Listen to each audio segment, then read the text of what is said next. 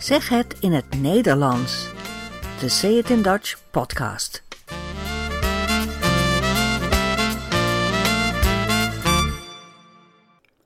Nummer 34. In deze aflevering praten we over voetbal, over het Europees kampioenschap, met een vreselijk drama op het veld. En we spreken over een van de beste voetballers aller tijden, Johan Cruijff. Het mediafragment is een radio-interview over een speciale reanimatiecursus die het Nederlandse Rode Kruis op Instagram heeft geplaatst. Veel plezier bij deze 34ste aflevering van Zeg het in het Nederlands. Hallo allemaal. We zitten midden in de zomer van 2021. Afgelopen drie weken is het Europees kampioenschap voetballen geweest. 16 Europese landen voetbalden tegen elkaar. Ook Nederland mocht meedoen. Het Nederlands elftal. Ik vertelde er al over in aflevering 6 van deze podcast. Ik denk drie jaar geleden. In die aflevering kun je veel over voetbal horen. Ik vertelde toen dat het niet zo goed ging met het Nederlands elftal, met Oranje. Dat klopt nog steeds hoor, maar nu deed Oranje wel mee met het Europees kampioenschap, het EK. Euro 2020 of Euro 2020 is de officiële naam, want eigenlijk zouden ze vorig jaar spelen. Maar ja, corona hè. Nederlanders hadden er in het begin niet zoveel vertrouwen in. Maar toen won Oranje een paar wedstrijden en kwam het elftal zomaar in de volgende ronde. Iedereen kreeg weer hoop en mensen begonnen te roepen dat we kampioen konden worden. Dat is typisch Nederland.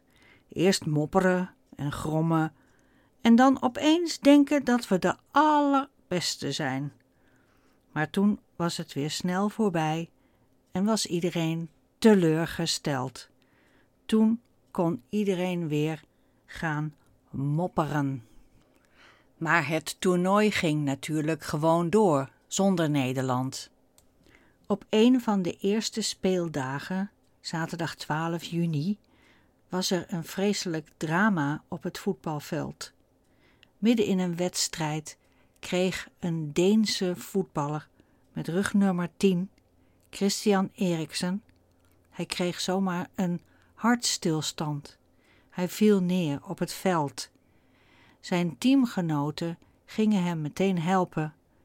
Er keken miljoenen mensen naar deze wedstrijd en iedereen zag hoe Eriksen viel en niet meer bewoog en hoe hij geholpen werd.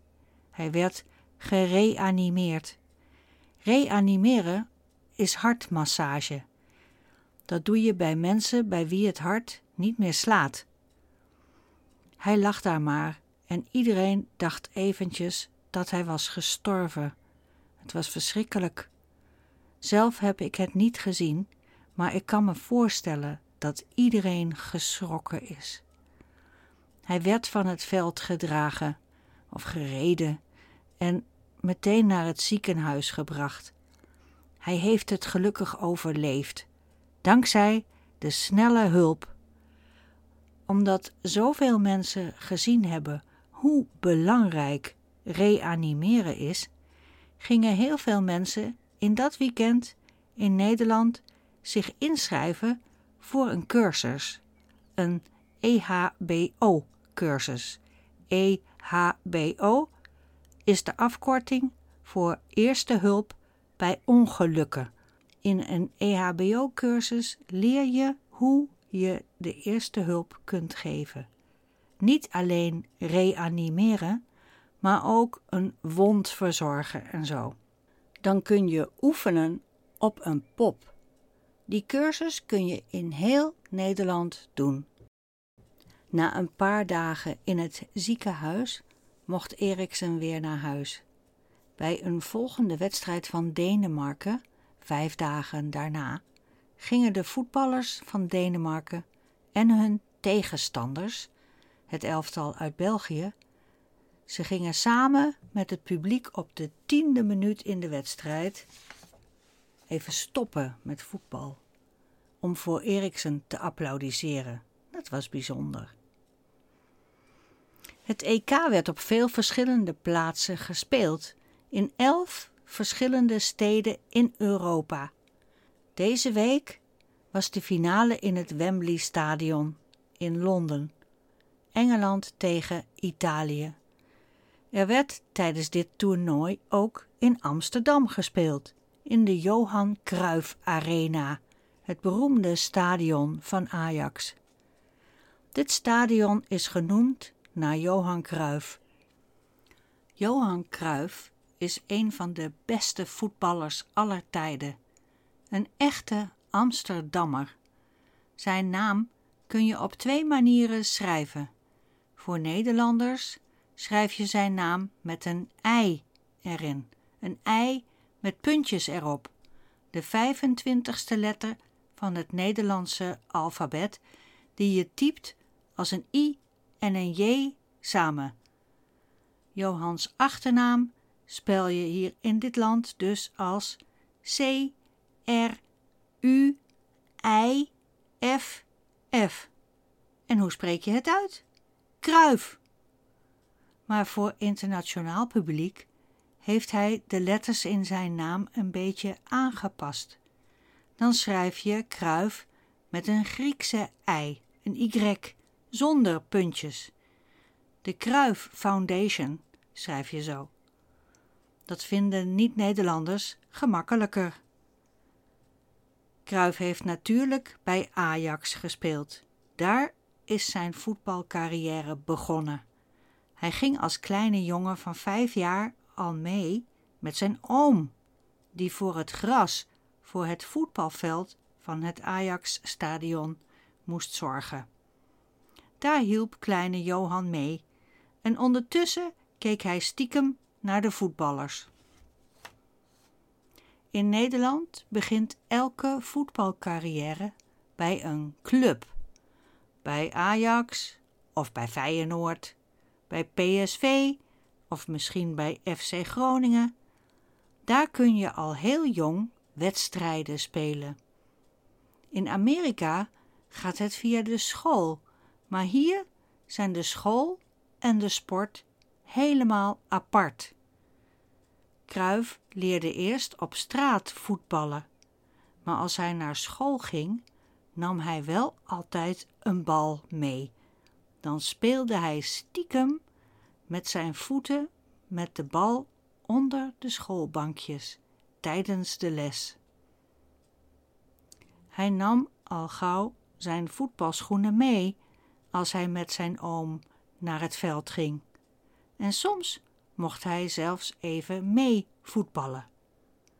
Vanaf zijn achtste jaar kwam hij in het jeugdteam van Ajax en toen hij 17 jaar was, mocht hij al bij het eerste team van Ajax spelen in de landelijke competitie, de nationale competitie. En heel Nederland zag meteen hoe groot zijn talent was. Hij speelde ook al snel in het Nederlands elftal, Oranje.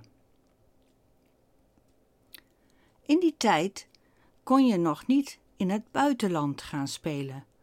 Hij had wel graag bij een Engelse club gespeeld, want hij was daar een keer geweest, zei hij, ik denk bij Liverpool of zo. En hij vond de sfeer in het stadion geweldig. Maar ja, het kon niet. Maar in 1974 kon je voor het eerst wel naar het buitenland. En toen ging hij naar FC Barcelona. Daar was hij een echte ster, in Spanje dus. Hij heeft jarenlang in Barcelona gewoond. Hij werkte er eerst als voetballer, maar later ook als coach. Er is een Spaanse documentaire over hem gemaakt, een film, met de titel En un momento dado. Ik hoop dat ik het goed uitspreek, dat is Spaans. En un momento dado. Dat was een typische uitspraak van Cruyff, die de fans in Barcelona heel bijzonder vonden. Maar eigenlijk was het gewoon de letterlijke vertaling van op een gegeven moment. Iets wat wij hier allemaal heel veel zeggen. Op een zeker moment. Op een bepaald moment. Op een gegeven moment komt de bal voor het doel en dan trap je hem erin. Maar in Barcelona kreeg deze uitspraak een mythische betekenis, een extra betekenis. Hier hoor je het kruif zelfs twee keer zeggen in het Nederlands. Als op een gegeven moment twee, drie, drie man hun, hun hoofd verliezen, dan is het dus gebeurd en dan moet je dus op een gegeven moment een beetje ingrijpen. Als op een gegeven moment twee of drie man hun hoofd verliezen, dan is het dus gebeurd. Dan moet je dus op een gegeven moment een beetje ingrijpen. Kruif wordt ook wel de voetbalfilosoof genoemd of het orakel. Hij had altijd heel bijzondere uitspraken die je allemaal op een tegeltje aan de muur zou kunnen hangen. Hij sprak Kruiviaans, zeg maar, Kruiviaanse spreuken. Een heel beroemde uitspraak van hem is: Elk voordeel heeft zijn nadeel. Of deze: Als wij de bal hebben, kunnen zij niet scoren. Of deze: Als je niet scoort, kun je niet winnen. Eigenlijk moet ik het met zijn typische Amsterdamse accent zeggen. Elk voordeel heeft zijn nadeel. Als wij de bal hebben, kunnen hun niet scoren. Als je niet scoort, kun je niet winnen. Maar dat is logisch. Dat is logisch. Het is ook logisch. Het is uh, natuurlijk logisch. Dat is een, uh, gewoon wel een logische zaak. Het is wel logisch hoor. Maar ja, dat is logisch.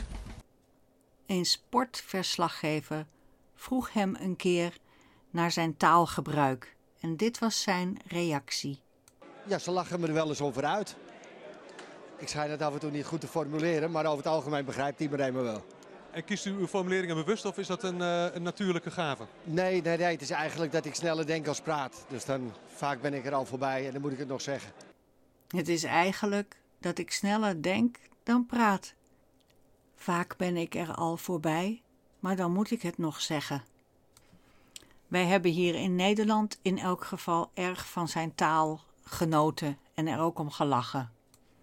Ik heb geen verstand van voetbal, dus over zijn talent kan ik weinig zeggen. Ik weet wel dat je hem in één adem kunt noemen met Pelé, Maradona, Ronaldo en Messi. Zelf heeft hij gezegd dat hij in de zomer als tiener vaak honkbal speelde in het stadion van Ajax als er geen voetbal was. Dus baseball, honkbal. Door het honkbal heeft hij veel geleerd, zei hij, waar hij in het voetbal veel aan heeft gehad. Hij zei: als, als vanger, als catcher, heb je overzicht over het veld. De werper, de pitcher, die heeft dat niet, maar jij wel. En in het honkbal wordt jou van jongs af aan geleerd dat je al moet weten waar de bal naartoe moet, nog voordat je hem gevangen hebt. En daarmee leer je vooruitdenken en overzicht houden. Je bent continu bezig om heel snel te beslissen. En Kruif zegt dat heeft hem heel goed geholpen voor het voetbal. Hij had altijd goed overzicht, wist wat er moest gebeuren en hij had een prachtige techniek. In zijn eerste jaren bij Ajax maakte hij 190 doelpunten. En voor het Nederlands elftal maakte hij in 48 wedstrijden 33 doelpunten. Hij speelde vijf jaar in Barcelona En daarna ging hij naar Amerika. En daar leerde hij vooral ook hoe je professionele sport moet organiseren. Daar heeft hij veel geleerd, wat hij later ook ging gebruiken. In 1981 kwam hij terug bij Ajax, maar daar kreeg hij ruzie. Hij nam geen blad voor de mond, zoals dat heet. Dat betekent dat hij alles zei wat hij dacht, en het bestuur vond dat niet leuk. Dus hij kreeg ruzie en toen ging hij spelen bij de rivaal Feyenoord. Dat heeft hij ook nog een paar jaar gedaan. En daarna werd hij coach, eerst van Ajax en toen van Barcelona. En daar stelde hij het Dream Team samen. Tenminste, zo hebben ze dat genoemd. Al die tijd was hij een stevige roker. Hij rookte sigaretten langs de kant van het veld. Uh, dat kon toen nog. Uh, maar ondertussen had dat wel uh, effect op zijn lichaam. Want in 1991 kreeg hij problemen met zijn hart. En hij moest geopereerd worden. Hij kreeg verschillende bypasses. En toen is hij gestopt met roken. En hij zat dan langs het veld als trainer met een lolly in zijn mond. Dus niet met een sigaret, maar met een lolly. Kruif was een echte familieman. Toen hij twaalf was, toen stierf zijn vader. En dat heeft echt heel veel indruk op hem gemaakt. Zijn vader was dood, maar Johan bleef toch met hem praten via het graf. Hij stelde vragen en hij overlegde dingen. En voor zijn gevoel kreeg hij ook antwoord. Zijn vader stond hem bij. En op een gegeven moment, op een gegeven moment, dacht hij: zou het echt mijn vader zijn die antwoord geeft? Want ja, hij is dood. Dus toen heeft hij gevraagd: Als jij het bent, vader of papa, als jij het bent, papa, zet dan mijn horloge stil. Dan weet ik dat je me gehoord hebt en dat je wat kan doen. En de volgende dag stond zijn horloge ook stil. En toen wist hij: Het is echt mijn vader met wie ik praat. Zelf had hij ook een gezin. Zijn vrouw eh, Danny en uh, twee dochters en een zoon. En die zoon is later ook gaan voetballen. Jordi Kruif. Er valt nog veel meer over hem te vertellen. En gelukkig zijn er heel veel boeken over zijn leven en zijn talent. En er zijn ook films gemaakt. Nummer 14 bijvoorbeeld, dat was zijn rugnummer, nummer 14. En er is een biografie. Er is een autobiografie. Maar helaas kreeg hij uh, in 2015 longkanker. En in 2016 is hij in Barcelona op 68-jarige leeftijd overleden. En in Nederland en in Barcelona werden speciale herdenkingswedstrijden in het stadion georganiseerd. Dat was mooi. En daarna is de arena, het stadion van uh, Ajax, naar hem genoemd. Gedaan zoals hij daarbij maar laat staan. heeft. Sport! Schitterend Johan Cruijff, wat een fabuleus doelpunt. Schitterende goal in de zesde minuut van de tweede helft. Een goal zoals je zelden of nooit op de Nederlandse velden ziet. Die moeilijke bal uit de lucht ineens doodgemaakt. Wijmer op het verkeerde been. 3-4 passen met die bal. Dat is misschien een kans via Neeskens en Kruijff. Neeskens in het centrum. Kruijff dat geeft de paas. En hij scoort! Hij scoort Johan Neeskens! Schitterend gedaan. Met de punt van de schoen. Een hele kromme voorzet van Kruijff. Vijf minuten in de tweede. Rensen Brink. Stuurt daar Krol op links weg. Dan komt de voorzet. En is Kruijff is scoort! Het is goal! 2-0. Wat een juweel van een doelpunt. Van Rensen brengt naar Krol, van Krol voor, precies op maat en Kruijff die schitterend scoort. 14e minuut gaat in, hier is het applaus.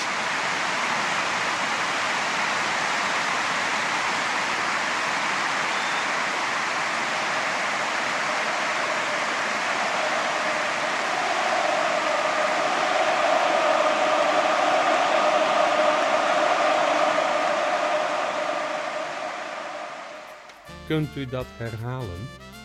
Kunt u dat herhalen? Kunt u dat herhalen? In deze rubriek laat ik iets horen wat op de radio of op de televisie is geweest. En daarna kunnen we erover praten. Het mediafragment is een interview op de radio, Radio 2. Je hoort de presentator, Wouter, praten met mevrouw Nijhoff van het Rode Kruis.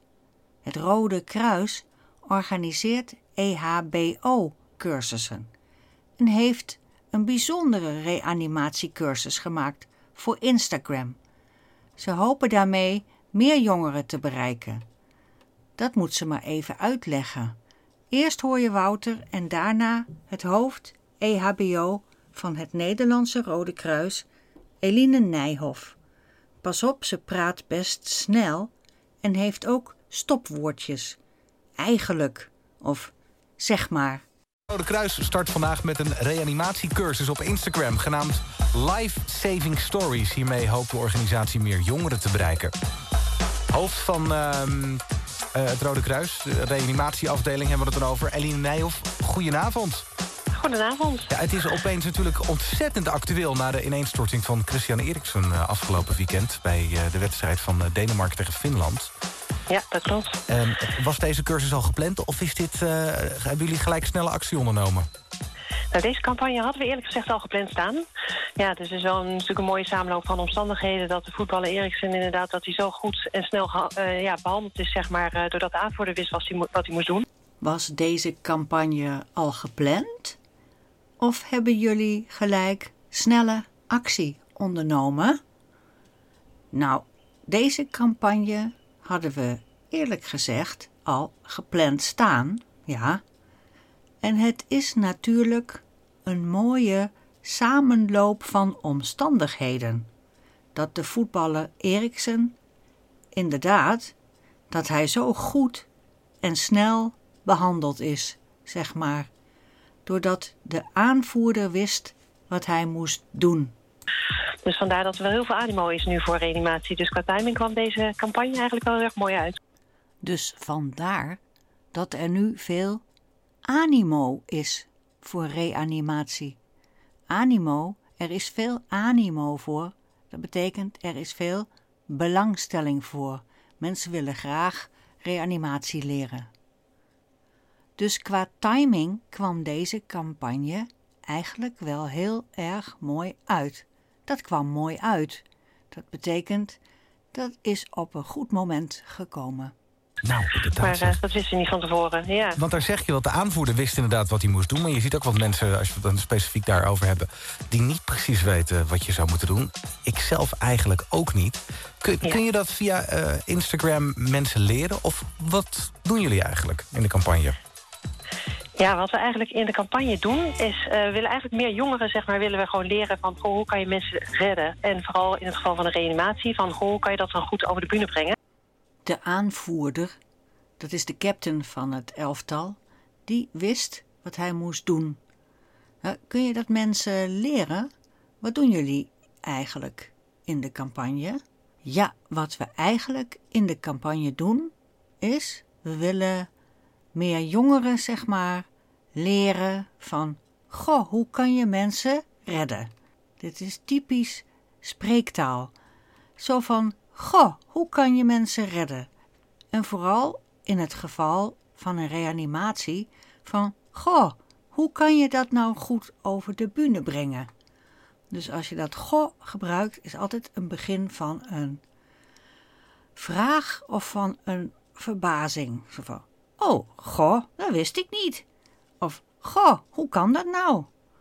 Iets goed over de bühne brengen, zij zegt dat niet helemaal correct. Je wilt iets over het voetlicht brengen of op de bühne brengen. En de bühne, dat is het podium, het toneel. Dat is de plek waar je naar kijkt in het theater. Het is een Duits woord, de bühne. Dus het is natuurlijk een heel belangrijk onderwerp. En we dachten, ja, weet je wel, uh, jongeren die, die swipen en tappen natuurlijk ontzettend veel op hun telefoon. Ze doen daar diverse, uh, diverse games op en eigenlijk dagelijks zitten ze op Instagram. Dus vandaar dat we dachten, ja, we moeten dit gewoon via Instagram moeten we wat gaan aanbieden aan, ja. uh, aan de jongeren.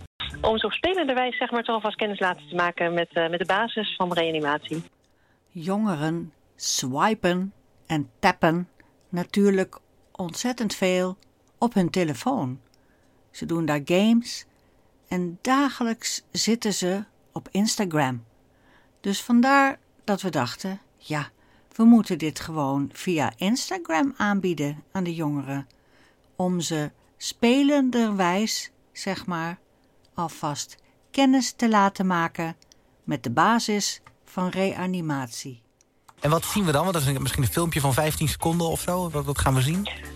Ja, eigenlijk Live Saving Stories bestaat uit uh, 35 Instagram stories. En waarin iemand eigenlijk gereanimeerd moet worden na een hartstilstand.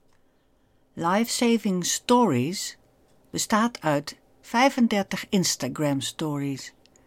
Waarin iemand gereanimeerd moet worden na een hartstilstand. Een hartstilstand.